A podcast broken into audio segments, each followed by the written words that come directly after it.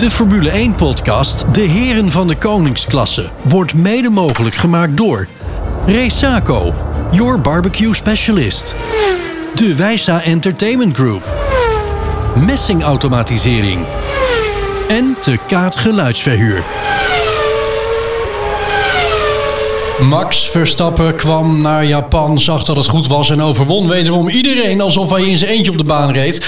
Waar zijn eh, medecoureurs eh, meermaals aangaven echt niets extra's meer uit een auto te kunnen persen, had eh, Max simpelweg nog even genoeg tijd over om zonder verse banden nog even aan het einde de snelste ronde te rijden. Dat ging allemaal met gemak, twee vingers in zijn neus. de overmacht waarmee Verstappen zijn rondjes rijdt is echt niet van deze wereld. Het werd hoe dan ook weer een race om over na te praten. Mercedes zakte door het ijs. Leclerc kon opnieuw niet winnen van zijn teamgenoot en Lance Stroll eindigde maar weer eens elf plaatsen achter zijn teamgenoot. We gaan het er vandaag uitgebreid over hebben. Er is heel wat te bespreken deze podcast. En gelukkig zitten ze weer bij mij aan tafel. Mijn medeheren van de koningsklasse. Adrie IJzermans, Frans de Zwart, Edwin Sap. Goedenavond. Goedenavond. Goedenavond. En we zijn vandaag in bijzonder goed gezelschap. Uh, bij ons zit Rick Winkelman, Nederlands autosportjournalist, schrijver. Geeft commentaar bij NASCAR races. En we zien hem natuurlijk stevast op Ziggo Sport. Waar hij naast Olaf Mol en Jack Ploy als analist over de Formule 1 praat. En wij als heren van de koningsklasse vinden Rick een soort wandelende autosport-encyclopedie. En we zijn heel blij dat hij vandaag de tijd en moeite heeft genomen om naar onze wijnkelder te komen voor onze podcast. Uh, welkom Rick, fijn dat je er bent. Ik weet gewoon waar ik dingen op moet zoeken. oh, dat is het. Nou, zo, Je hebt nu echt onze totale illusie in één klap verwoest. Oh, ja, eigenlijk wel, ja. Uh, we beginnen altijd met een rondje korte reacties, dus ik kom ook zo uh, bij jou. Uh, Frans, Normalerwijs vraag ik altijd naar Frans iedere podcast een beetje of uh, Perez weg moet. Dat vraag ik dus nu niet. Uh, is uh, Ricciardo over de houdbaarheidsdatum heen? Ja. ja. Definitief? Oké. Okay. Ja. Adrie, is Hamilton misschien ook over die houdbaarheidsdatum heen? Ja. Ja, de nieuwe garde staat echt te trappelen. En ik denk dat ze een stoeltje verdienen. We gaan het er zo meteen uitgebreid over hebben. Edwin, er wordt even gespeculeerd over Sainz die naar eh, Mercedes eh, gaat. Maar is dat wel zo verstandig van hem als hij dat zou doen? Gezien de situatie waarin Mercedes op dit moment verkeert. Nou ja, zo'n swap zie ik niet zitten. Dus ik vind het zeer onverstandig van hem als hij dat zou doen. Oké, okay, nou, ik ben heel benieuwd. Um, Rick, wij hebben het er vaak over hier in de podcast. Dat de dominantie van Max Verstappen, dat veel mensen dat als saai betitelen. Ben jij het daarmee eens? Uh, ik snap het wel voor de wat meer algemene kijker. Mm -hmm. Zeker de mensen die Formule 1 gaan volgen vanwege Max. Als je de sport iets beter kent of iets meer serieus volgt, dan is het juist nog steeds indrukwekkend. Wat ja. Doet. Nou, dat, dat hadden wij dus eigenlijk ook ja. voor seizoen. Van nou, datgene wat hij laat zien, dat is van zo'n buitengewone klasse. Dat, ja. dat krijgen we nooit meer te zien volgens mij. Niet op die manier. Nee, nee niet in ieder geval. Nee, nee maar ik denk wereldwijd misschien wel niet. Want het is wel een van de allergrootste aller tijden. Misschien wordt hij ooit nog de grootste aller tijden statistisch gezien. Maar hij wordt sowieso bij de absolute top natuurlijk. Wat we allemaal in de Formule 1 de autosport hebben gehad. Ja, bijzonder. Zonder dat het in Nederland is. Ja. Ja, nou, dat, vooral dat, hè. Dat zijn we toch een beetje chauvinistisch. Mogen we ook best zijn, ja, natuurlijk. Ja, statistische zin heeft hij het nu al beter gedaan dan onder andere Lewis Hamilton. Hè? 30% van alle races. Ja, uh, ja. Ja, ja dat is wel, klopt, maar ik vind het altijd zo moeilijk te vergelijken. Hè? Eens. Want het hangt ook vanaf uh, wat voor concurrentie er is, uh, of je geluk hebt om een goede auto terecht te komen. Uh, zoveel omstandigheden ja. zijn, hoeveel Grand Prix zijn in het ja, seizoen. Zeker. Uh, dus dat, ik vind dat wel moeilijk vergelijken, maar hij, hij is zeker niveau Hamilton, uh, daar zit hij al bij. Ja. Bij dat soort scènes, ja, wordt het duidelijk. Ja, mooi rijtje. Ja. Oké, okay, nou wij zijn er klaar voor. Mijn naam is Wijbrand van der Zanden. Um, vanuit onze wijnkelder in de Achterhoek is dit aflevering 7, jaargang 2 van de eerlijkste Formule 1 podcast van Nederland. Wij zijn de heren van de koningsklasse. Met een goed glas wijn in de hand blikken de heren terug op de afgelopen races, praten ze over de laatste Formule 1 geruchten en filosoferen ze over de toekomst van de Formule 1. Dit zijn de heren van de koningsklasse. Ja, met vandaag stellingen en vragen uit Den Hogen Hoed. De sigaar van de week, de blik van Rick Winkelman. En natuurlijk beginnen we met een terugblik op het belangrijkste nieuws van de afgelopen week. Um, en dat is uh, onder andere uh, de Grand Prix van uh, Japan. De heren van de koningsklasse. De blik van... Ja, de Grand Prix van Japan. jongens, wat, waar hebben we naar zitten kijken? De eerste, volgens mij was de eerste rode vlag hè, van dit, dit seizoen. Zeg ik dat goed? Het zou wel eens kunnen, ja. Ja, volgens mij klopt dat. In ieder geval tijdens de race. En, en een terechte rode vlag, hè? want we hebben ook wel eens gediscussieerd over wel of niet een rode vlag. Deze was absoluut Deze was terecht. terecht. De Ja. bandenstapel lag helemaal aan gort, dus die moest gerepareerd worden. Ja. Ja. Veiligheid. Dit was, eh, dit was eh, hard nodig. Ja, het was natuurlijk eh, de eerste ronde. Eh Ricciardo crasht op Albon. Ehm, was dit gewoon dom? Nee, vind ik niet. Eh, volgens mij deed hij zijn best. Kon hij niet echt. eh, hij keek naar links, hè? Je hebt links Stroll zitten. Dus moet je toch in de gaten Ja, houden. dat is wel gevaarlijk. En dus volgens mij had hij niet echt een keuze. Eh, ik klassificeer het als een race-incident. Nou, ik vond het wel een beetje dom voor die Kyoto. Echt waar? Je ziet hem ook in de spiegel gewoon naar links kijken. Maar hij had ook even rechts moeten kijken. Al is het maar heel kort. Om te zien of dat wel of niet iemand Ja, maar je moet wel een keuze maken. Of links of rechts. Ik denk dat het vertrouwen meer aan de kant van Albon Ja, heeft gelegen. toch allebei kijken. Maar hij zal toch ook wel naar rechts gekeken hebben, hoop ik. Ja, wat we hebben kunnen zien qua hoe hij met zijn helm zat, niet. Ja, ja Rick, is wel- Rick, een kleine verzoek of je iets dichter bij de microfoon Ja. Eh, anders dan eh, gaat onze regie- regisseur daar helemaal Oh, uit zijn- nee, die gaat helemaal uit zijn kanarie dan dadelijk hoor. Ja, hij gooit ook. Hij, gooit ook. Ehm, eh, nou, ik ben het wel met je eens. Want ik, ik had ook zoiets van, ja, dit, dit, moet je zien. Zeker bij de, bij, bij de eerste bochten, net na de start. Dan moet je toch weten waar je rijdt en wat er naast je zit. Je let extra op ook met zo'n start, want er, er gebeurt van alles. Dus je Ik moet snap wel dat kanten extra oplet als Stroll ernaast rijdt. Dat, Ja, dat- maar ja, als iedereen de laatst rijdt, want het kan iedereen gebeuren. Want eh, ja, het is- die wielen gaan natuurlijk in elkaar en voor je het weet, ben je, bent de Sjaak en dat gebeurde dus. In dit geval was het voor Sargent natuurlijk heel fijn dat het eh, in de eerste bocht gebeurde en niet in de kwalificatie. Want anders had hij weer geen race gereden. Ja, dat is zo. ja, Maar ja, eh, toch wel weer eh, voor het team wel weer verschrikkelijk. Want ja, ze hebben al niet zoveel budget. En hup, er gaat weer wat vanaf. ja, hij rijdt weer de auto klein. Ja. Hey, eh, ehm, eh, over die dominantie van Max gesproken, ronde 12, hè? Eh, was die al 4,1 seconden los van Perez. Daar zit al een rode vlag dus tussen. Eh, dat is, is bizar. Ehm, ronde 13 gingen de eerste discussies al van wie gaat er voorop rijden bij Mercedes. Hamilton, Russell, kan je je herinneren? Boordradiootje, wat gaan we doen? Ja, Heel verrassend dat eh, Hamilton ermee kwam om, eh, Ja, om dat te was- sloppen. Ja. dat was eigenlijk het rare eraan. Ja. Dat heb ik hem nog nooit horen zeggen. Nee, ik heb Hamilton eigenlijk ook nog nooit zoiets horen zeggen. Maar, eh, dat- het was vroeg in de race, maar het zat wel al een beetje tegen het moment aan dat je al een pitstop had kunnen maken. Waarschijnlijk dat hij daarom ook zei, we moeten het nu van plek wisselen om daar dan later in de race weer profijt van te hebben. Of weer terugwisselen of whatever. Je hoort nooit alles hè. Nee, niet. Het was toch ook precies de eerste ronde van de pitwindow. De pitwindow was ronde 13 tot 18, even uit mijn hoofd. En volgens mij zijn ze in de ronde 13, zei je toch? Ja. Dus dat was exact de eerste Ja, ronde dus van de pitwindow. dat had het moment kunnen zijn net om het te bespreken. Ja. Ja. Maar ja, McLaren was vooral daarin eh, ook eh, een van de eerste, toch? Die toen naar binnen ging. Ja, dat klopt.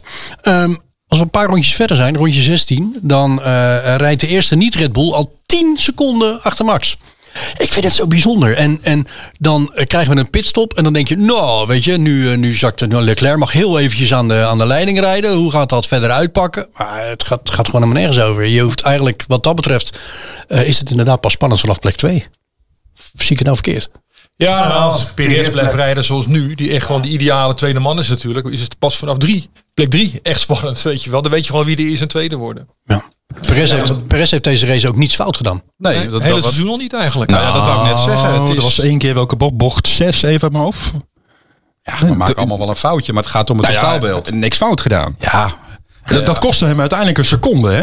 Ja, oké, maar eh, wat Rick eigenlijk op doelt is, hij is de, de ideale tweede man. En daar ben ik het ook mee eens. Want ten opzichte van vorig jaar, toen was hij niet de ideale tweede man. En met- nu verzamelt hij ook gewoon punten. Zelfs als Max uitvalt, verzamelt hij punten. Nee, eens, hij, ik ben het er ook mee eens dat het een goede eh, tweede man is. Maar eh, toen hij in ronde 6 was, dat, had hij onderstuur. Volgens mij ook in bocht 6. Of het kwam door de wind. Dat, kwam, dat zou ook kunnen, want de wind nam wel gedurende de race toe. Dat was wel een foutje die hem uiteindelijk een seconde heeft gekost. En toen eh, ja, zag hij echt Max alleen maar verder uitlopen. Maar hij werd wel tweede. Hij werd wel tweede, ja. En dat oog heeft hij het hartstikke Ja. goed gedaan. Maar ja, ik denk dat dat telt eh, bij het team. Ja, nou dat, dat denk ik ook. Hey, eh, over Mercedes gesproken, eh, ronde 22. eh, drie seconden per ronde verloren ze op de leider in de wedstrijd. Ja, wel bizar heel hè? Dat is bizar. Ja. Ja, zij kregen die één stopstrategie niet goed. Wat Leclerc wel lukte, dat lukte bij Mercedes niet. Ja, dan zak je gewoon echt helemaal terug. Maar kwam dat dan door de temperatuur? Want Mercedes had volgens mij heel veel moeite om die, eh, die harde band in de temperatuur te krijgen. Ja, kan temperatuur zijn. Kan ook bij wat ze bij het team hebben afgesproken. Hoe je zo'n stint met een, een lange stint van start gaat. Misschien wel te snel van start gegaan of te langzaam. Ja. Dat kunnen wij niet zien. Hangt ook af van wat de auto nodig heeft natuurlijk. Maar zij kregen echt die één-stop strategie niet goed. Terwijl ze notabene volgens mij de race oorspronkelijk op de mediumband wilde beginnen. Toen kwam die code rood. Zijn Code ze rood, naar ja. rood gestapt, op, overgestapt. En van een twee-stop-strategie naar een één-stop-strategie. Misschien het toch wel iets te snel gedaan. Misschien toch maar bij het oorspronkelijke plan moeten houden. Achteraf gezien. Ja, maar ja, code rood komt binnen een ronde. Eh, dat ja, is, dus eh, zou je ja. kunnen zeggen, hou het dan gewoon bij je oorspronkelijke plan. Ja, ik kan het dat zeggen. is niet gedaan. Je, hebt, je hebt er nog nul voordeel van gehad ja, eigenlijk. een hadden ze normale hebben met z'n allen 400 meter gereden. Ja, ja, jongens. dat, dat denk ik ook. Dat denk ik ook. Ja, maar Ja. Misschien, ja, misschien dat de rijders hebben gezegd, nou, doe maar wel. Ja, dat, dat weten we ook niet wie dat, eh, wie dat bepaalt. Maar hun pitstops waren ook niet super snel. hè? 2.6, alle twee, zowel Russell als Hamilton. Als je kijkt naar Red Bull, alle, allebei 2.1. is toch alweer een halve seconde. Ja. Ja. ja. Bottas deed het in 4 seconden dit keer, hè? Ja, dat deed heel snel. Voor zijn doen. snelle pitstop. Snelle pitstop. Superknap. Ja, het scheelt hè. Er was maar één auto nog maar. Dus ja. Zo, oké. ja, we hebben wat problemen met de microfoon van Frans. Die galmt een beetje rond. eh, dus, eh, eh, nee, Nou, nou, dat, dat mag wel, maar dan moet je even lekker bij Adrie eh, erin kletsen. Dan, dan, dan, komt dat, dan komt dat wel goed. Ehm Sainz. Ja, ik, ik moet heel eerlijk zeggen, ik vind Sainz fenomenaal. Al- ondanks dat hij met 21 seconden achterstand eh, als eerste niet-Red Bull eh, eindigt. Rick, wij, wij hebben daar vorige week over gediscussieerd. Ik ben van mening dat Ferrari de verkeerde man weggestuurd heeft. Ja, dat dacht ik van het weekend ook wel een beetje. Eh, Nou is het natuurlijk wel heel vroeg in het seizoen en zo. Het is natuurlijk wel logisch dat ze Leclerc houden. Ik weet ook niet hoe het met contracten zit. Ik denk dat Leclerc ook nog gewoon een contract heeft. Ja, dat, Ehm, dus dan wordt het al een stuk lastiger natuurlijk. Het Sainz contract loopt af. Maar ja, wie is er nou beter, Hamilton of Sainz? En als je Sainz nu zo ziet rijden, de eerste paar wedstrijden van het jaar, ja, vraag ik me ook af, hadden ze die niet gewoon moeten houden en Hamilton de deur eh, moeten wijzen of nooit naar binnen hebben moeten laten? Eh, dat weten we volgend jaar in deze tijd misschien een beetje. Als Hamilton zijn eerste wedstrijd heeft gehad. Bij, hebben ze Hamilton daar niet naar binnen gehaald omdat het gewoon een fantastisch marketingapparaat is? Dat zou ook eh, eh, zeker meegespeeld hebben. Ferrari adverteert nooit, nergens. Het enige, al het marketingbudget zit in de Formule 1 en in de autosport. En niet normaal, hè? En als je dan Hamilton hebt, dat ook al doet hij misschien, eh, scoort hij misschien wat minder, maar dan nog steeds op marketinggebied wel scoort, Ja. ja, dan heb je zo'n investering ook wel terug. Ja, Ik kan er maar één zeggen. Ik ben zevenvoudig wereldkampioen. Ja, ja nee, Dat, dat ben ik helemaal met je eens. Dat ben ik helemaal met je eens. Maar eh, voor Hamilton is eigenlijk, wat ik er straks aan Adrie vroeg, met, met, een beetje hetzelfde als met Alonso. Ja, ergens is de jeu er wel een beetje vanaf. Ik zie hem ook geen achtste wereldtitel meer, meer, meer Nee. winnen. nee, Nee, maar misschien hebben ze wel, wat jij ons al, zegt over het marketinggebied, misschien hebben ze wel gewoon op de marketingafdeling van Ferrari onderzocht. Oké, eh, als wij nou potentiële Ferrari kopers hebben, eh, zitten die in het kamp Hamilton of vinden ze Sainz leuker? Ja, Ja, als precies. dan, als dan blijkt dat meer mensen toch Hamilton in een Ferrari ooit nog een keer willen zien. Dat willen we misschien allemaal stiekem. Ja, ja, ja. Eh, dat dat ook qua marketing en qua verkoop van de Ferraris en imago van de Ferrari gewoon beter. eh, Misschien verkopen ze wel meer Ferraris in het Verenigd Koninkrijk. bijvoorbeeld. Maar zou het, zou het kunnen dat ehm, doordat eh Sainz weet dat hij weg moet, dat hij daarom nu vleugels heeft? Hij heeft niks Nou meer te ja, verliezen, misschien, misschien dat hij wel denkt van. Misschien is hij wel wat, dat hij wat, wat, wat, wat vrij uitrijdt. Misschien dat hij anders misschien een beetje de Perez-rol had moeten hebben of zo. Nu denkt Ja. hij van bekijk het maar. Ik ga voor mijn eigen kans. Ik ga gewoon vol. Ja, en daarna Leclerc het zwaar. Nou, ik denk dat er echt situaties gaan ontstaan dit seizoen. Waar eh, ik, ik heb nog herinnerd toen Max, volgens mij was dat tweede seizoen dat hij reed, dat hij heel fel in zijn bordradio een keer nee zei. Om, eh, Singapore. eh, voor, ja, dat zou wel Singapore geweest kunnen zijn. Ja, moest Ricciardo voorlaten, wilde hij niet. Eh, dit gaat zijn zo. Ja, wat gaan ze doen? Als, hij nee zegt, gaan ze hem ontslaan. Dat heeft ze al, hebben ze al gedaan. Dus ja, het maakt geen reet uit. Hij heeft zoiets van, joh, ik Nou. moet mezelf in de kijker rijden. Ik denk niet dat hij de opdracht krijgt om Leclerc voor te laten. Maar ik denk dat het andersom zal zijn. Dus hoe- hij hoeft geen nee te zeggen.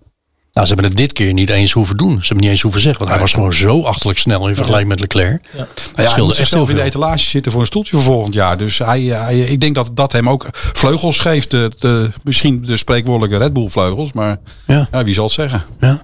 Perez, 12 seconden achterstand, we hadden het net al over. Ideale tweede rijder. Heeft eigenlijk nu niets verkeerd gedaan. Normaal vraag ik wel eens van, zes moet hij weg? Ja, oké, bocht 6. Ja. Maar eh, je ziet inderdaad wel echt een hele andere Perez rijden dan, dan vorig jaar. Nou, heeft vorig jaar natuurlijk ook niet, of dit jaar natuurlijk in race 2 ook al niet zijn vader heel hard geroepen dat hij wereldkampioen werd. Dat denk dat dat ook heel veel scheelt hè? Die was nog met Dakar bezig. Oh, ja, ja, oh, ja, ja, precies. kon even niks roepen nog. Nou ja, hij heeft zich er misschien bij neergelegd dat hij gewoon de tweede rijder is. En dat hij in die rol gewoon moet presteren als tweede rijder. Dat is zijn beste rol, denk ik ook. Ja, ja, ja. ben ik met je eens, Frans. Ik denk dat dat het gewoon is. Zeker wat ik. wat, eh, Maar eh, ja, misschien mentaal dat hij denkt, oké, ik word geen wereldkampioen. Eh, ik kan beter maar gewoon de ideale tweede man zijn. Dan kan ik nog langer bij Red Bull blijven misschien. Ja. En dan meer kans hebben om een keer een race te winnen.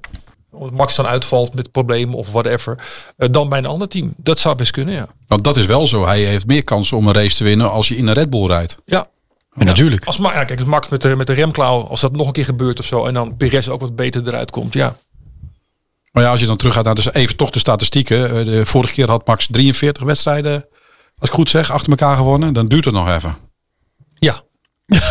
ja, ja dat, dat denk ik de ook. volgende ja. uitvalbeurt dan bedoel ik. hè? Dat denk ik ook. ja, ja, ja. Mercedes, ja, ehm, dit, eh, deze race, eh, het, het was meer dan ondermaats eigenlijk. Het was gewoon echt niet des Mercedes wat ik, wat ik daar gezien Verkeerde, heb. verkeerde strategie. Dus lag het echt aan de strategie, denk jij? Ja, daar ben ik wel van overtuigd. Dat het bij hun gewoon niet ging. Wauw. Oké. Maar is die Ja, is Hamilton zei dat dat toch je- ook? Nee? Hamilton zei dat toch ook over de strategie? Change the strategy. Ja. Dat zei hij nog over de Ja, ja, dat klopt. Ja, dat dus, klopt, ja. En dan is het wel raar dat je beide auto's op dezelfde strategie zet. We hadden het net over. Ze gingen met een twee-stop strategie de race in. Toen kwam die code rood. Zeg dan bijvoorbeeld, nou weet je wat, laten we dan één van onze coureurs eh, die oude strategie eh, laten gebruiken. En een ander die gaat dan eh, wel over die één stopper. Ja. Ja. Gewoon kunnen verdelen. Weet Ja. je wel. Maar Ja. die gingen het allebei gingen ze down the drain. Nou ja, dat is het. Maar wat we natuurlijk nu dan zien is, nu gaat de strategie verkeerd. Volgende, vorige race eh, ging die wagen niet vooruit. Eh, is, de, is die wagen echt zo slecht? Ja, dat vind ik nog een beetje vroeg in het seizoen om dat nu al heel erg hard eh, te zeggen. Ehm, hij is beter dan dat hij de afgelopen jaren is geweest. Oké. Maar ze zijn eh, de, de enorme terugval van, wat is het, twee jaar geleden? Twee, drie jaar geleden. Nog steeds niet eh, te boven, nee. Ongelooflijk, hè? Ja. Het, eh, je, je, je snapt het eigenlijk niet. Van, het, het zit in zo'n winning mood. Hebben zo'n goede auto. Zeven jaar lang. Of, of niet nu dan vijf jaar lang. Hebben ze zo perfect gepresteerd. En ineens is het momentum is weg. En dan, en dan lijkt het wel een soort wet van Murphy. Dan, dan gaat er ook niks meer goed. Het lijkt wel Ajax. We zouden het eh, niet over voetbal hebben. Eh, e- even, Rick. eh, Elk aandeel heeft zijn nadeel. Hoe zeg je? Elk, nee, zei hij. Elk aandeel heeft zijn nadeel. ja, goed. Ah, ja. Ja. Eh, ja. Duurt even, hè? Ja, ja, oké. ja, je merkt het. Je bent echt niks anders dan Formule 1 gewend. Hè, jij? 17.500 verkocht. Oké. Formule 1, hè, daar hebben we het over. Ja, is. Adrie. Toto Wolff die heeft nu al de uitspraak gedaan, Rick, dat eh, Max eigenlijk al gefeliciteerd wordt met het kampioenschap. Maar zit, het, zit het geloof er dan nog? Of is het een beetje indekken wat Mercedes altijd doet, het sandbaggen? Nou, ik- wat me wel opvalt, dat Toto Wolf... ehm, en ik vind het lastig om in te schatten of het nou gespeeld is of niet. Wel altijd heel erg ook eerlijk is in zijn uitingen. Als hij denkt van, dit wordt het gewoon niet. Dat heeft hij eigenlijk met die auto toen het twee jaar geleden misging, zeg maar, ook al altijd wel gedaan. Nee, maar jij zei net, het is nu nog een beetje vroeg in het seizoen. Ja, dat- is dan dat de uitspraak van Toto ook niet veel te vroeg? Kijk, dat ze geen kampioen zullen worden, daar ben ik het misschien wel mee eens. Ja, Maar ja, ja, kijk, en dat Max natuurlijk de, de, de by far grootste favoriet is, dat lijkt me ook duidelijk. Eh, dat, dat kunnen we nu wel zeggen. we hadden dit seizoen nog niet eens voor hoeven beginnen. Dat wisten we eigenlijk. eh, nee, op voorhand wisten we dat hij de beste papieren zou kijk, maar hebben. dan denk je van god, ja, misschien dat toch nu de andere teams auto's iets beter voor elkaar Ja, dat hebben. hopen we elk jaar. Dat hoopt Ja. iedereen natuurlijk. Eh, zeker als je bij Mercedes werkt, zoals Toto Wolf, of mede-eigenaar bent van Mercedes, zoals Toto Wolf.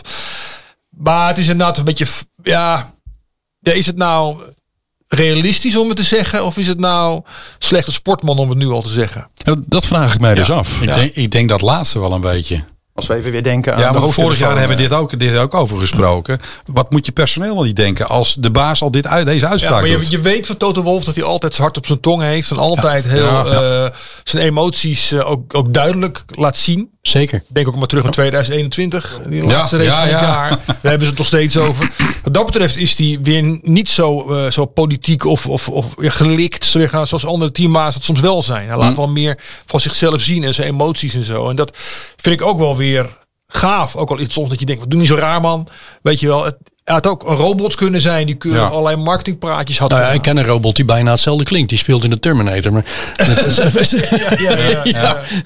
Nee, maar ehm, eh, een, een, een team als eh, Mercedes. ehm, gaat Max daar naartoe? Ik weet het niet. Eh, het is wel zo Is natuurlijk. dat realistisch? Nou ja, kijk, er is wel een, Nu? een, Nee, een joh. link tussen, tussen, eh, tussen Jos en Toto Wolf. Ja. Ehm, ik kan me nog herinneren een gesprek wat ik heb gehad ook eh, met wat mensen van toen destijds. ehm, toen Max nog Formule 1 coureur moest gaan worden. Mhm. En toen hebben ze gewoon moeten kiezen. Gaan we het via Mercedes doen of gaan we het via Red Bull doen? Serieus? Oké. Eh, dus er zijn echt wel gewoon al vanaf dat moment ook al goede contacten eh, geweest. Ehm, ja. Je ziet het bij andere sporten ook wel vaker. Hè? Als iemand bij een bepaalde voetbalclub het altijd goed heeft gedaan, dan wil hij het eigenlijk zich nog een keer laten zien, nog een keer bewijzen hoe goed hij is, door bij een andere, andere club hetzelfde te presteren. En dan heb je in Formule 1, zien- nou, Hamilton gaat naar Ferrari. Ja, maar dat gaat, daar niet, dat gaat hem daar niet lukken. Nou, dat weet je niet. Hij blijft altijd een held met zijn zeven wereldtitels. Dat sowieso, Voor mij. ja. En misschien wordt hij wel een grotere held als hij toch dan nog een paar mooie resultaten neerzet in een Ferrari. Dan kan je vol niet zeggen, het lag alleen maar omdat het kwam alleen maar omdat hij zo'n goede auto had. Als hij een paar Grand Prix wint of goed scoort in een Ferrari, dan denk je, ja, hij is echt een grote held. In plaats van hij is iemand die toevallig in een Mercedes en een McLaren terecht kwam op het goede moment. Ja, maar dat is ook iets. Hè. Ik bedoel, wij, zijn, eh, wij- zeggen het ook altijd. Wij zijn fans. We zijn geen experts. We weten er wel een hoop vanaf. Omdat we ons heel goed in, veel, veel inlezen. Maar ehm, wij zouden inderdaad gewoon heel graag eens gewoon twintig Formule 1 coureurs eh, aan de start zetten. Allemaal in een Suzuki Alto. En, en eh, nou, dan, wil ik wel zien wat er gebeurt. Ja, dan wint Max nog steeds. Ja, dat denk ik ook. Precies. Dat denk ik ook. Maar dan wordt Hamilton wel tweede hoor. Ja. Ja. Ja, ja misschien. Nog heel even over eh, Max eventueel naar Mercedes. Max wil toch een auto hebben waarbij hij kampioen kan worden. Wat zou voor hem op dit moment, dus 2025, dan de reden zijn om eventueel naar Mercedes te gaan? Dat zal toch niet datgene, de Hornegate, als ik het even zo mag noemen, dat zal hem daarin toch niet pushen? Nou, de Hornegate hangt wel een beetje af hoe het eh, met Helmut Marco afloopt. En de Verstappers zijn hele loyale mensen. Ja, En eh, als iemand goed voor ze is geweest, dan vergeten ze dat nooit. maar dat, dat zit En ook in het team? te, ze hebben veel te danken aan Marco. Eh, Marco heeft natuurlijk eh, Max naar Red Bull gehaald, niet Horner. Dus ik denk als zij moeten kiezen tussen die twee, kiezen zij voor Marco. Die snap ik, maar het is onder andere Adrian Newey die ervoor gezorgd heeft dat ze gewoon een winnende auto kunnen Ja. rijden. Dus volgens mij is ook het team Red Bull, is de familie Verstappen ook wel het een en ander verschuldigd. Ja, tuurlijk. Maar zijn ze loyaler dan is dokter- aan dokter Marco? Denk je? Ik denk, als ze zouden moeten kiezen tussen, tussen Marco en Horner, zullen ze voor Marco kiezen. Ja, 100 procent. Wauw. 100 procent. Alleen, en- je, je weet helemaal niet of, dat- of dat nodig is. Kijk, Het het is niet dat ze elkaar eh, eh, te lijf gaan. Je ziet ook nog gewoon Horner echt gewoon met, met Max eh, praten. Nou, we weten niet wat er achter de schermen gebeurt natuurlijk. Ehm, maar de, de- het moet dan wel even weer vlot worden getrokken allemaal. Al neuzen we weer dezelfde kant Ja, is dat niet al gebeurd? Want je hoort er niks meer van. Nee, het is nog niet rond. Nee? Er gaan echt nog wel wat, eh, wat, ik weet niet of het rechtszaken, maar er gaat nog wel wat, wat gebeuren. Waarbij Horner zich moet eh, verantwoorden Hm. nog. Dat verwacht ik wel. Blijft die? Denk jij? Ja, dat hangt ook een beetje af wat, het, wat, wat, de, wat de uitspraak zal zijn. Van dat, ja, of het nou een rechtszaak wordt of, of iets anders, weet je wel. Wat daar dan de uitspraken van zullen zijn. Daar zal veel van afhangen. Ehm, het lijkt erop alsof voorlopig zeg maar, het kamp Oostenrijk met, met Marco die interne machtsstrijd heeft gewonnen. Hè. Je hebt natuurlijk Thailand waar dan de man met 51% aandelen in Ja, ja, precies. dat is waar Horner wat meer naar, eh, naar hangt. En dan heb je Oostenrijk, eh, waar, waar Mateschitz zat en, en waar Marco zit. Die lijkt het voorlopig even te hebben ja, gewonnen, als je het zo moet zeggen. Maar in ieder geval weer een beetje de overhand te hebben. Als dat zo blijft. En als, het, als Horner zich ook weer gewoon... ehm, als het de teamleider opstelt... dan denk ik dat hij gewoon kan blijven. Zal het ook afhangen van de verkoop van de drankjes wereldwijd? Nee, nee, nee, nee, nee. Het is belangrijker wat er uiteindelijk voor uitsluitsel komt over dat verhaal van die vrouw die eh, zich slecht behandeld voelt. En, en die druk die, die Honda eh, neerlegt dan? Want dat was ook zo'n verhaal, hè? Dat, eh, dat, dat Honda daar een Ja, probleem mee zou hebben. Nee, het is vooral Ford. Oh ja, Ford. gaan- Sorry, ja, Ford was het, ja. Ik gaan met. Ford verder uiteindelijk als er Ja. nieuwe motoren komen. Ja, dat is, dat is belangrijk. Dat is een, een multinational. Eh, en niet zo'n kleintje ook. Eh, dus die zullen echt wel zeker willen weten dat de onderlinge eh, samenwerking binnen een bedrijf als Red Bull en onderlinge verstandhouding, dat het allemaal gewoon op een goede, nette manier gaat. Als het niet zo is en als hun ook niet wordt verteld, want dat is ook het ding, wat er nou precies aan de hand is, Ja. dan vinden ze dat niet fijn bij zo'n bedrijf als, als Maar zouden ze daar zo'n miljoenen schuine streep bijna wel miljarden deal op laten lopen? Nou, dat denk ik wel. Ja? Als, als, je, als, als je niet weet wat als het iets kleins is, maar dan moeten ze weten dat het iets kleins ja, is. het kan natuurlijk een naam, een naam enorm schaden. Ja, en zij hebben zich ook te verantwoorden naar hun eigen aandeelhouders, hun eigen medewerkers, eh, de potentiële kopers van Ford. Ja, Weet je wel, dus dat is wel een, eh, een ding. ja nou, dat is zeker een ding. Ja. Eh, Oké, ja, ja jongens, voor de rest, ja, de race, daar wil ik er heel kort over zijn. Max 1, eh eh Perez 2, Sainz 3. Ik denk een, een uitslag die prima laat zien hoe de verhoudingen op dit moment binnen het veld liggen. En eh, we hebben toch een aantal mooie gevechten gezien. eh. Ja. Zeker. Ik vond de Ferrari-gevechten richting eh, McLaren vond ik erg indrukwekkend. En aan het einde van de race hadden we natuurlijk Alonso Piastri nog, eh, die lekker aan bezig waren. ik, heb, deed- ik heb wel genoten hoor. Piastri deed het ik viel in ieder geval deze keer niet in slaap. Nee. Nee. Maar dat, is- dat is wel heel wat. Ja, ja, ja. ja. We hadden het van kort eh, eh, eh, van tevoren. stelde ik jou als eerste vraag van eh, moet Ricciardo eh, vervangen worden? Hè? Is hij over zijn houdbaarheidsdatum heen? Gaat hij dit seizoen afmaken, denk jij Frans? Eh, nee, ik denk het niet. Ik denk dat hij wordt vervangen door Liam Lawson. Ik mag het Ik, hopen. dat hoop ik. Ja, dat lijkt me wel heel leuk. Ja. Dus eh, En dan hoop ik dat hij net zulke mooie kan, dingen kan laten zien als dat hij vorig jaar even zo tussendoor even liet zien. Want eh, die jongen, die, weet, die jongen kan wel rijden. Ja, maar dan is hij ook meer ingewerkt. Dan, hè, dan, is het, eh, dan is hij officieel teamlid. En nu werd hij gewoon even erin gezet. Moest hij ook maar even roeien met de riemen die hij had. Nou, dat deed hij heel dus goed. ik denk, en dat deed hij heel goed. Dus kun je je voorstellen, als je gewoon echt, het is jouw auto. hij komt op een goede moment ook weer in beeld. In, in de pitbox. Liam Ja. Ik zie hem wel elke keer. ja, ja. Ik zie hem wel iedere keer als zagrijnig kijken ook, weet je wel. Hij staat elke keer met, met een uitgestreken smoelwerk staat hij daar van, ja shit, ik moet eigenlijk in die auto zitten. En je leest het aan zijn hele gezicht af, hè, Ja, maar hij tijdens die zit race. natuurlijk al een x aantal jaar bij Red Bull. En hij heeft ook gezegd, het moet dit jaar wel Vijf jaar gebeuren. hè? want Vijf jaar zit hij al in dat juniorenprogramma. Gaat hij misschien wel NASCAR rijden? Of, eh, Ja, in, in, zou- Indycar. Indycar zou dan de eerste keus zijn natuurlijk, Ja. denk ik. eh, Of naar Mercedes.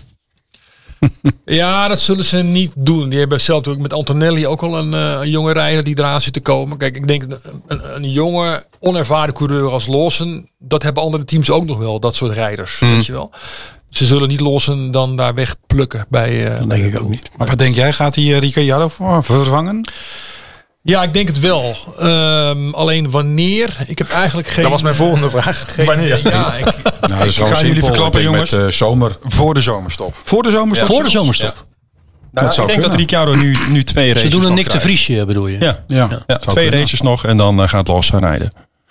Wauw. Wens is de vader van de gedachte. Oké. het lijkt me sterk dat ze het nu gaan doen, dat je weer terug gaat naar China, waar, waar iedereen al een aantal jaar niet is geweest. Ja.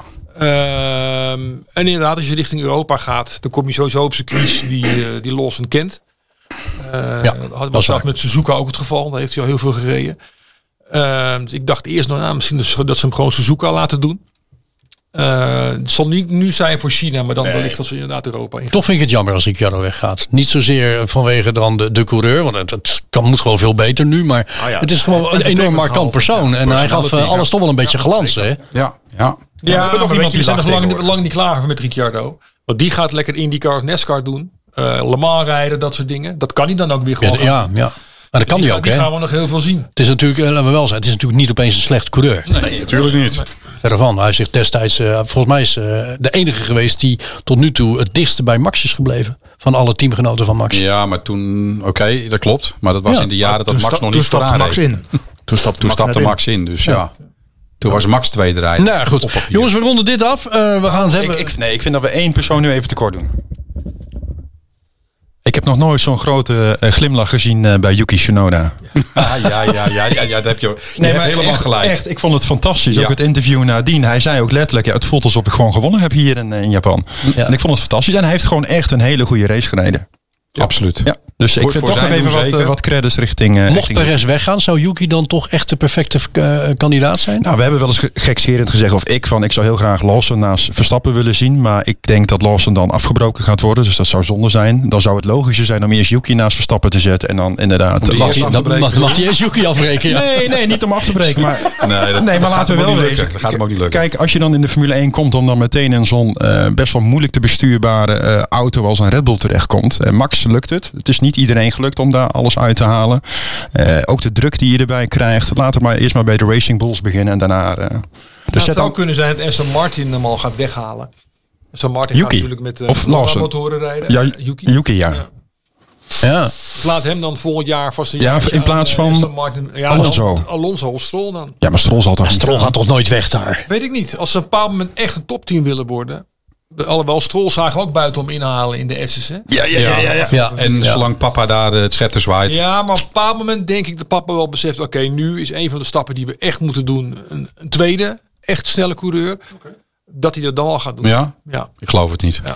Ja. Ik denk dat Ja, de vraag is alleen, ja, de vraag is alleen wanneer dat besef komt. Hè? Gaat dat dit seizoen komen of eh, duurt het nog Ik drie seizoenen? eerder het team verkoopt. Ja, maar wat Rick zegt, dat klopt natuurlijk wel. Hè. Eh, eh, ze zitten wel in de Formule 1 om races te winnen. En hij zit daar niet, hij heeft zijn zoontje daar geen stoeltje gegeven om maar eeuwig maar zijn zoontje te pleasen. Tenminste, dat zou ik een financieel en zakelijk gezien een hele slechte deal vinden. Ja, maar ik Kijk, denk dat dat, Lens kan rijden, dat, dat, dat hebben we allemaal wel Ja, kunnen zien. Maar inderdaad kan hij zich meten aan de beste die nodig zijn om inderdaad een kampioenschap of in ieder geval een race te kunnen winnen. Ja, maar jongens, en als Lens- je het Lens verschil Stroll- ziet tussen Alonso en Stroll, is bizar. dat is gewoon ongekend. Dat is ook zo. Elf maar plekken ik- hè, zat elf er tussen. plekken, Elf precies. plekken zat er tussen dit, eh, de, deze race. Ik, ik kan mij toch niet aan de indruk onttrekken dat papa eh dit team gekocht heeft om zijn zoon een stoel te geven. Ja, maar hij heeft ook te maken met sponsoren. Dus dat is ook Dat zo. ook. Ja. Maar als het echt, als Aston Martin echt in de mogelijkheid eh, komt om races te winnen, kampioen te worden, whatever, maar in ieder geval races te winnen. En als het dan niet lukt omdat je Stroll daar rijdt, dan gaat Stroll eruit. En Aramco is er ook nog, hè? Die heeft ook wel iets te zeggen met hun sponsorgeld. Mm, ja, Die dat, willen ook, eh, die willen ook op het podium staan. Ja. Ja. Ja, nou, oké. Eh, ik, ik twijfel daar nog enigszins aan, maar oké. Heren, genoeg over de Grand Prix van eh, Japan. We gaan het hebben over onze, onze gast aan tafel hier. De heren van de koningsklasse. De blik van Ja, nou, het is meer de blik op. We gaan een blik werpen op eh, Rick Winkelman. Rick, want eh, eh, je bent eh, buiten eh, autosportjournalist, ben je analist, je bent schrijver. Je hebt een behoorlijk aantal eh, boeken op eh, je naam staan. Wat wij eigenlijk misschien helemaal niet eens weten, en ik moet heel eerlijk zeggen dat ik het ook niet weet, maar hoe, hoe ben je daar ooit ingerold? Heb je altijd al iets gehad met, met, met snelle auto's? In de, in de autosport? Ja. Nee, ehm, ja Je- hebt gekart, al- toch, ook, of? Eh, nee, ik- ja, ik heb wel gekart, maar niet op, op serieus niveau. Dat, Oké. eh, nee, maar goed, dat daar geen. eh, er is wel filmmateriaal van, maar dat is verstopt. Oké. nou, we hebben een verrassing voor. Nee, nee. Daar komt het Uit filmmateriaal. den hoge hoed. Ja, ja, ja. Nee, dit was puur recreatief. Niet, niet, niet op, eh, niet op, op heel serieus eh, niveau. Maar karten is wel waar het voor mij als begonnen is als, eh, als, eh, als autosportjournalist. Ik was als journalist en ik was autosportliefhebber. En op een bepaald moment viel het kwartje. Waarom ga ik die twee dingen niet gewoon combineren?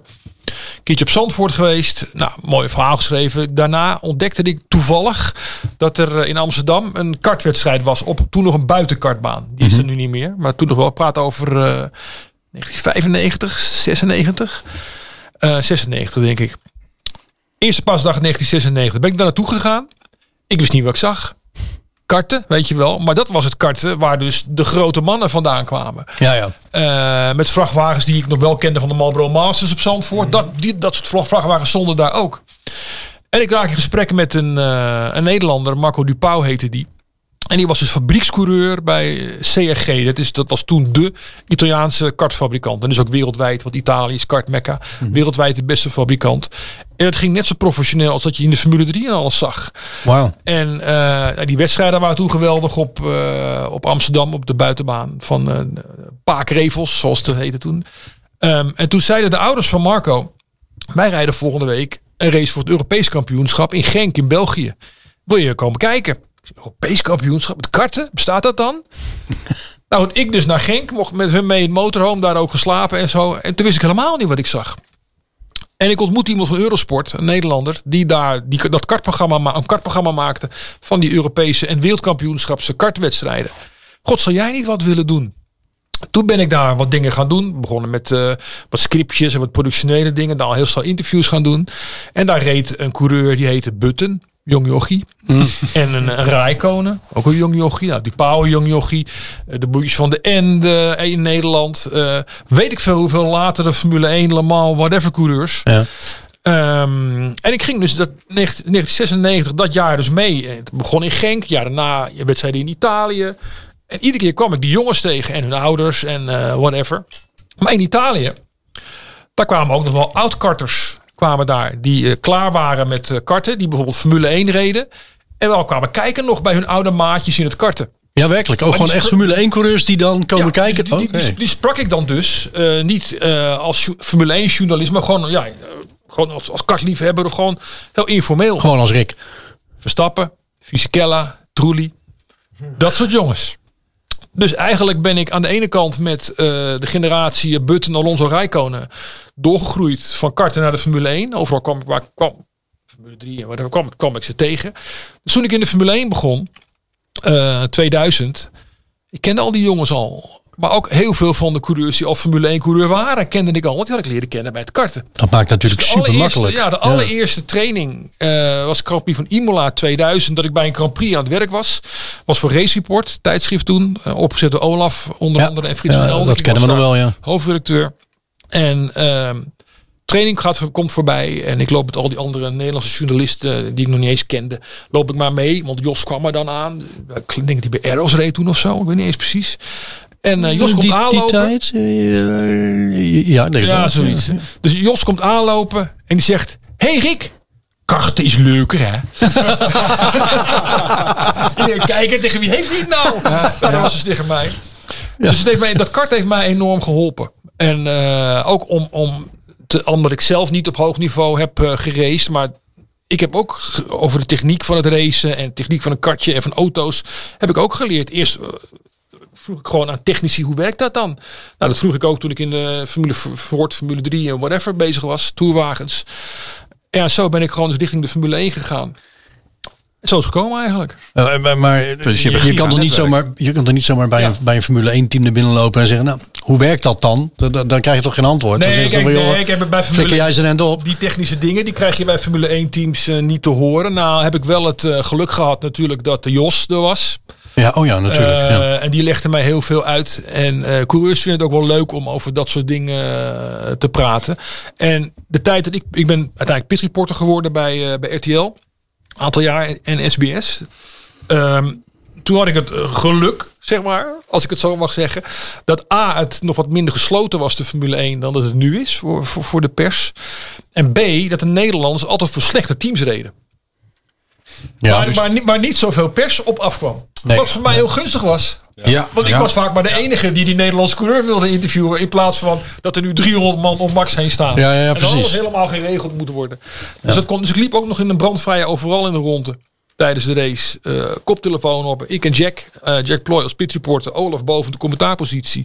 Hij stond gewoon aan het einde van de pit. Stond je gewoon twee meter bij een eh, pitstop vandaan. Daar verslag van te doen. ja. Dat kon toen nog. ja, dat kan nu echt niet meer. Dat, dat, dat gaat nu niet meer. Nee. Dus dat, dat geluk heb ik gehad dat ik dat staartje van de Formule 1 heb meegemaakt, dat dat nog kon. En omdat je veel makkelijker toen met mensen kon praten dan, dan nu, leer je er ook meer van. En, en wordt je netwerk sneller uitgebreid. En uiteindelijk kom je mensen ook weer in andere vormen van autosport tegen. Dus eh, ja, dan, dan gaat dat vrij snel. Waar komt die liefde voor autosport bij jou vandaan? Heb je er met de Eh, paplepel ingegoten gekregen? Of? Nee, maar het is niet, het is niet via mijn familie. Nee, tegendeel. Die vonden het helemaal niks. Ehm, ja, ik, ik weet niet precies hoe dat nou is ontstaan eigenlijk. Nee. Nou, ik denk, laat ik eens een goede vraag stellen. Ja, ik- Nou ja, waarschijnlijk... Ja, eh, ja ik, ik, had ik wel de Michel Valiant eh, stripboeken natuurlijk. ja, en ja, ja, uiteraard. ja, Die hebben we allemaal gelezen.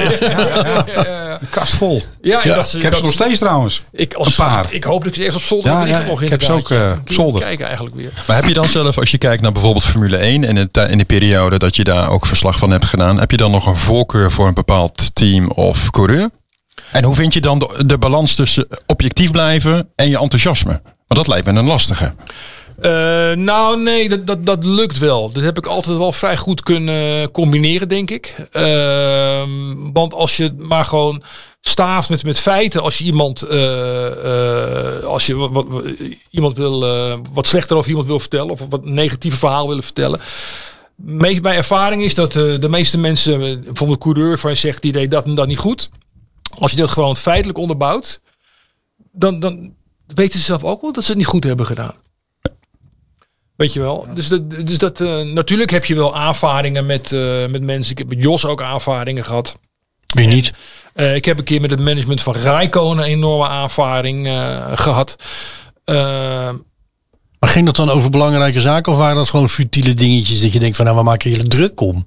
nou, bij Jos waren, dat weet ik niet precies meer. Maar dat waren denk ik vaak ook futiele dingen. Omdat ik altijd heel snel na een race bij Jos was. Dan zit je nog zo in de emotie. Ja, ja, ja. Weet je wel? En dan dat- je dan wat andere reacties krijgt. Rijkonen als een ander verhaal. Dat was omdat... Die zat eh, altijd wat minder in zijn emotie. Ja, nee, maar kijk, eh, Kimi kwam natuurlijk eh, heel snel en niemand kende hem eigenlijk. Maar Ja. ik dus wel. Uit karten. Ja. En omdat Kimi natuurlijk in Nederland woonde, in Vlaardingen. En dat hij eh, iedere woensdag, die kartbaan in Amsterdam, was Kimi monteur van Hoop in Tung bijvoorbeeld. En, en, en dus, dus dat, dat en Peter de Bruin, die de, de, de, de teambaas wat van het kartteam waar, eh waar Kimi Räikkönen voor reed, en Bottas en eh, whatever, Ja. was in Nederland. En die heeft mij heel veel uitgelegd over hoe, eh, wat nou overstuur en onderstuur is en wat je eraan kan doen en, en whatever. Ja, daar liep Kimi ook altijd rond. Dus ik wist wel wat voor, voor iemand het was. En toen had hij eh, een test gedaan bij Sauber. En die ging enorm goed. Eh, en toen werd hij gelijk op zijn verstappens, gelijk boem, richting eh Sauber de Formule 1 ingetild. En toen heb ik, ik weet niet meer of ik het nou op tv heb gezegd of heb geschreven in Race. Maar ik heb gezegd van, Kimi, geweldig talent, top en whatever. Alleen, ik weet niet of hij ehm, al helemaal in staat is om nu Formule 1 coureur te zijn. Want hij is zo laid back en rustig. En ik weet niet of hij die switch kan maken. Zoiets. Toen werden ze boos. Vrij normale zin. hè, Des duivels. Het management van, eh, het management van, eh van Rijkonen. En toen hadden we de laatste Grand Prix gehad in Maleisië. Eh, en toen bleven we daar. Toen ben mijn vrouw naar Maleisië gekomen. Gingen we aan vakantie vieren. Met wat collega's ook. En ehm, ja, we waren toch al in Maleisië. Ja, ja, heel En, gelijk. eh, makkelijk, toch, Op een word ik, eh, word, ik, word ik gebeld, mobiel. Dat was toen heel wat nog. En dat was dan eh, Steve Robertson. Dat was de manager van eh Kimi Räikkönen. Ja. En die zei, I'm going to sue your fucking ass. Oh. Ja. Waarom dan? Ja, omdat eh, ik had dingen verteld over Räikkönen. Dat hij gewoon, ja, zoals we Räikkönen kennen, dat, hoe, hoe die is. Ja. Weet je wel? Ja, dat vonden ze waren toen net aan onderhandelen. En ze had natuurlijk liever gehad dat uh, Rijkonen, dat ze die konden wegzetten als iemand die heel joviaal. Maar Rijkonen is super aardig, super goed. Alleen die is Rijkonen. Ja. En ik wist dat Ja. al. want Ik zei, vergeet nooit meer die ja, uitspraak van hem. Dat ze, ik vergeet nooit meer die uitspraak van hem. Dat eh, op een gegeven moment is ook iemand die, die, die vroeg hem iets. En heb je dat, dat gezien? Ja, was having a shit. Dat, ja, heerlijk. En iedereen lachte Maar aan de andere kant, Rick, het is ook een enorm compliment dat die vent daar zo'n heisa over maakt. Over iets wat jij geschreven hebt. Nou, het is meer. Ja, Ja, dankjewel. dat, je ja, het dat is zo toch een. Ja, compliment dat ze je zo serieus. Nee, ik bedoel, dus ze nemen je zo serieus dat ze, dat ze, dat ze jou daar eh, eh, die credits geven van. Nou, we ja, eh, maar het is meer ook, dat, en dat kan ik me wel voorstellen. Als je probeert als manager om een hele jonge coureur. die nog niet eens Formule 3 heeft gereden. Ja, oké, dat die in de. Formule 1 te krijgen. En dat het misschien net op het moment is, eind van het seizoen. van ze gaan het wel doen, Peter Sauber. Of ze gaan het niet doen. Ja, als Peter Er er Sauber. ergens een zinnetje eh, waarin staat van. ehm, eh, hoe Kimi is, wat misschien net even niet uitkwam. Ja. Want dan vindt misschien, eh dus Petronas was geloof ik toen sponsor van Sauber. Die vindt dat misschien wat minder prettig. Want ja, we willen wel gewoon een leuke swingende coureur hebben, weet je wel. Nee, Rijkonen was voor de resultaten. Wat heeft hij wel voor geweldige dingen gedaan, ook dat eerste jaar al. Alleen, als hij mocht, moest verkopen, is het, was het wat lastiger te verkopen. Als hij nog niet in die Formule 1 had gezeten. En ik denk dat dat precies het moment was. Gewoon het, het, het voor eh, het management van Kimi. Gewoon het verkeerde moment waarop dat verhaal naar buiten kwam. Ja, want met Race Report, ook al waren we maar een Nederlandse, dus een klein blaadje, vergeleken met alle Engelse media en zo. Eh, maar Olaf werkte eraan mee, Jack werkte eraan mee, een aantal... ehm, Frits. tech- techni- Frits. Frits, Frits is hier ook al een keer geweest. Ja, ja, ja, nee, Frits, absoluut. Dat is de, de, de, de initiator van, met Olaf van, van het magazine. Ja. Maar ook veel van de Nederlandse toen in de Formule 1 werkten. Werkte daarmee John McGill, Dino Tozo, allemaal, allemaal Nederlanders. Eh Arman Broekmans. Dus we werden wel gelezen in de paddock. En je ziet vaak die, die PR-dames en heren die alles, alles opnemen, weet je wel. Wat er gezegd wordt. Ja, ja, ja. Die Ja. lezen ook alles. die lezen ook alles. En die hadden dus dat, dat zinnetje van mij was zo naar buiten gekomen. Dat zinnetje over. En daar was ze over gevallen. Wauw. Bij, bij de familie Robertson. Did he sue you? Nee. en met, eh, met Kim is het toch goed gekomen. Oh ja, ja gelukkig maar. Gelukkig Maar maar. nou weer op de koffie. Nou, ja, dat vind ik wel leuk, want die vinden die zijn nou hartstikke rustig. Dat was, dat was eh eh, eh, Hakini was dat natuurlijk al. Dat was wel een hele relaxed vent. En eh, nou ja, Kimi ook. De enige die een beetje de dans ontspringt, nou, dat is, dat is eh, Bottas. Die nu op dit moment echt de meest stabiele filmpjes aan het maken is. Zo, op, eh, hè? op, eh, Ja, maar die, die heeft wilde haren nu, hè? n- d- nou, het, het is, het is een, een beetje een tweede Ricciardo aan het worden. Ik- vind het wel Wie heel... is nou nou echt staan? Nou, ik vind, nee, ik, vind het ik vind het verschrikkelijk leuk wat hij gewoon allemaal Ja, doet. En wel. hij heeft gewoon overal shit aan. Laten we het daar ja, houden. ja, dat heeft hij zeker. Ja, absoluut.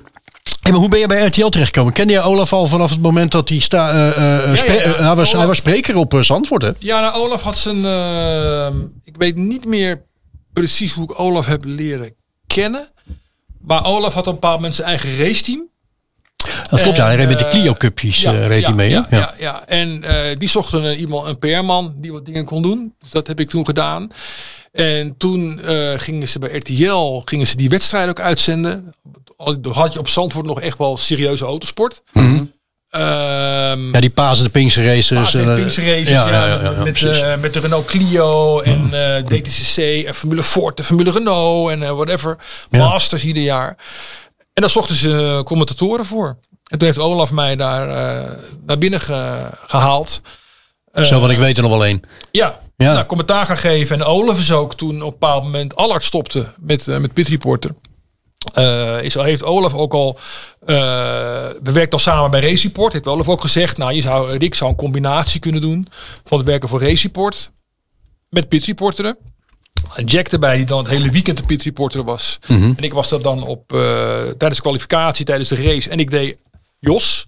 Maakte ik de items voor. En Jack deed de rest, ook op de vrijdagen al. Maar de vrijdagen was ik weer met Race Report bezig.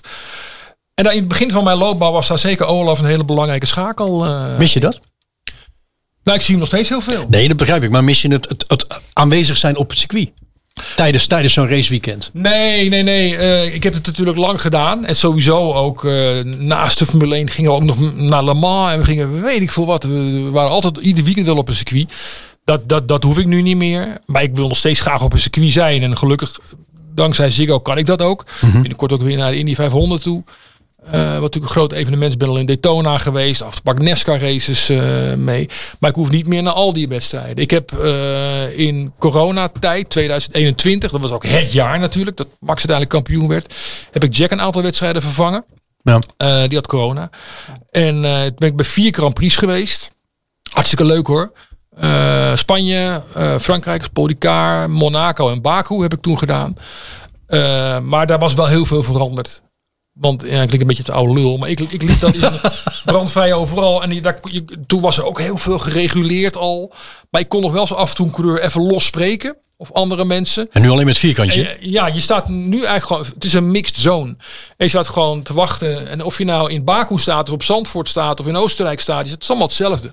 Ja. Want je staat gewoon in zo'n mixed zone, achter zo'n zo'n lijntje, sta je gewoon die coureurs op te vangen. Je kan zo af en toe wel wat extra's doen, maar dat is maar heel weinig. En stel nou eens voor dat Ziggo of Viaplay, laten we even in het midden wie het gaat worden, jou een voorstel doet om eh, als pitreporter weer aan de gang te gaan. Wat zou je antwoord dan zijn? Nee, dat zou ik. ehm, nee, zeker niet meer zo'n heel seizoen. Omdat het te belastend dan is? Ja, kijk, dat zijn nu eh, nog meer wedstrijden natuurlijk dan. In mijn tijd waren het 24, eh, ja. 17, 18.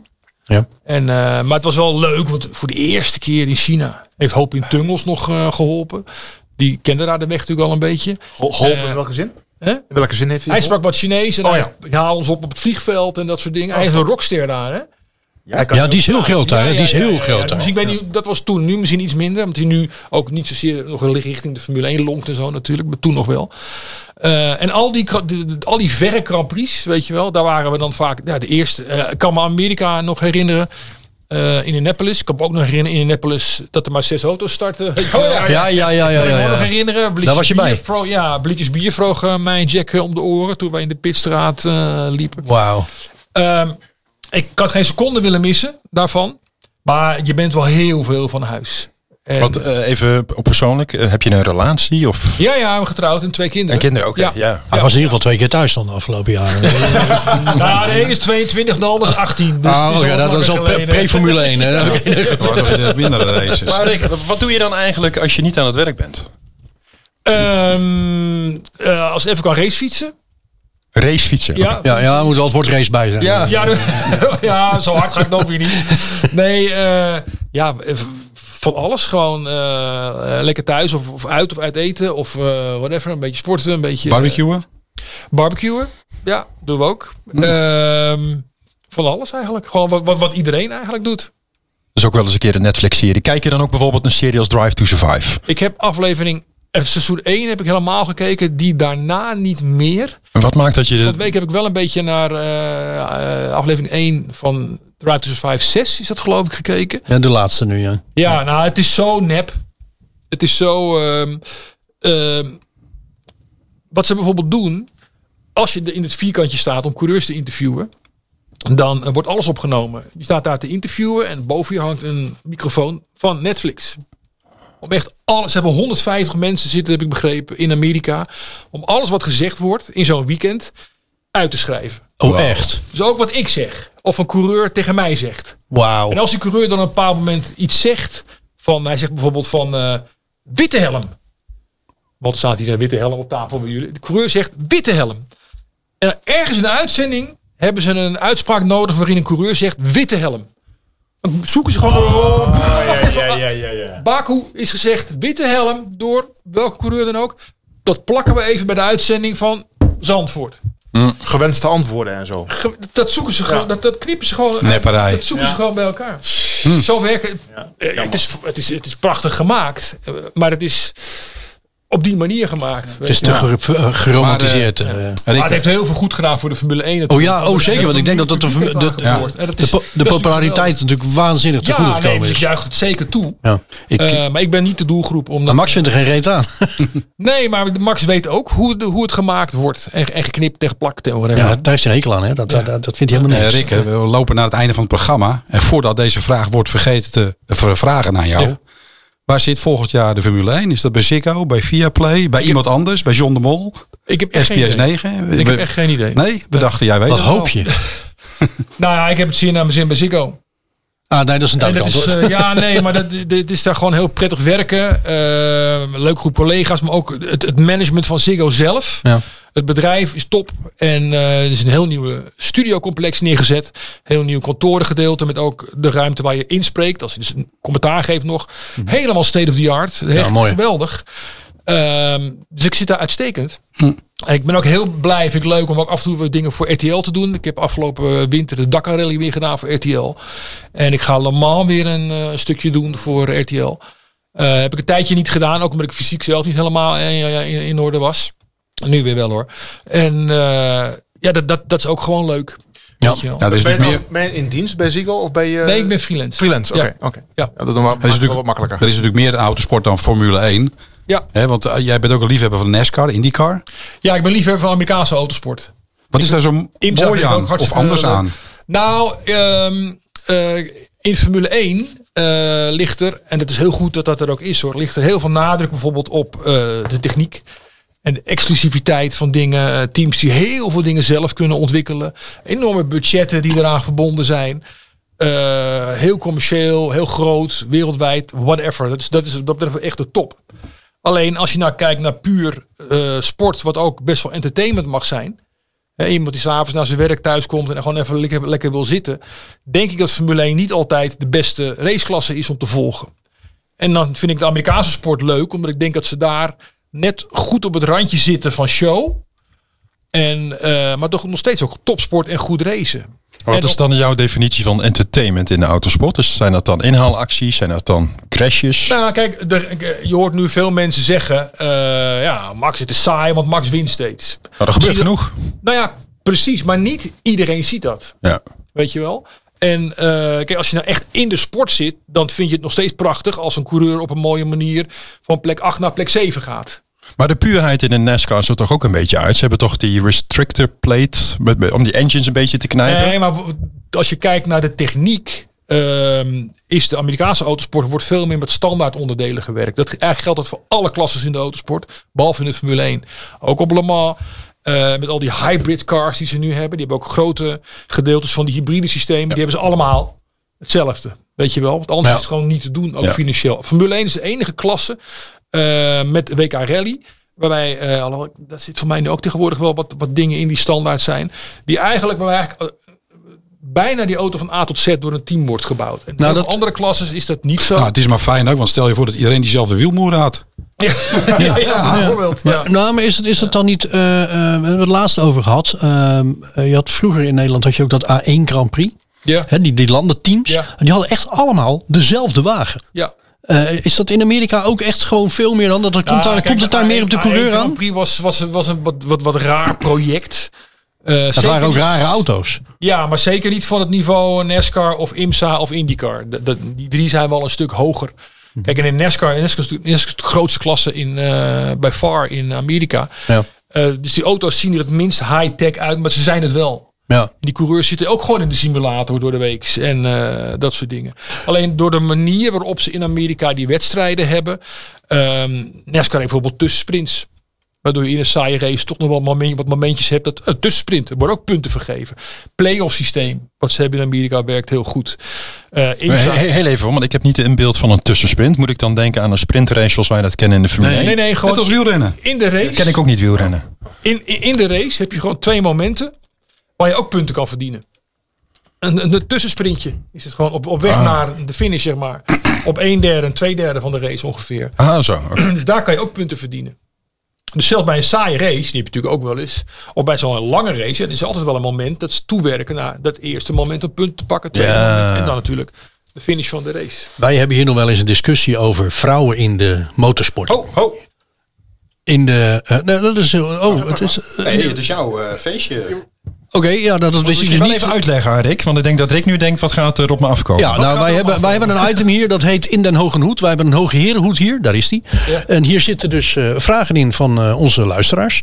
Eh, die kunnen ze opsturen. Als ze dat doen, ben ik toch nog even in beeld. Dan kun je deze helm winnen aan het eind van het seizoen. Voor eh, een vraag die eh, naar ons ingestuurd is. Dus heren van de koningsklasse.nl met dubbel E. Eh, kun je je vraag achterlaten. Ik begrijp dus dat ik nu per ongeluk een vraag aangesneden heb. Nou, deze hadden we vorige week. Toen zeiden we nog, misschien is het leuk om hem Ja. te bewaren als Rick er is. Oh, nou. Ja, dat is Ik ga nog waar. even herhalen. Herhalen we. Eh, Rick, de Formule 1 zou meer aandacht moeten besteden aan de ontwikkeling van de vrouwelijke coureurs. om de genderongelijkheid in de sport aan te pakken. Ah, dat, dat weet ik Nou, niet. dat, dat zijn ze het doen, want die F1 Academy, waar die meiden rijden, dat is een initiatief van Formule 1. Dat is van Su- Suzy Wolf volgens mij. Hè? Ja, maar die is na, namens de Formule 1 neergezet. Emilie de Heus rijdt daar als, als Nederlandse.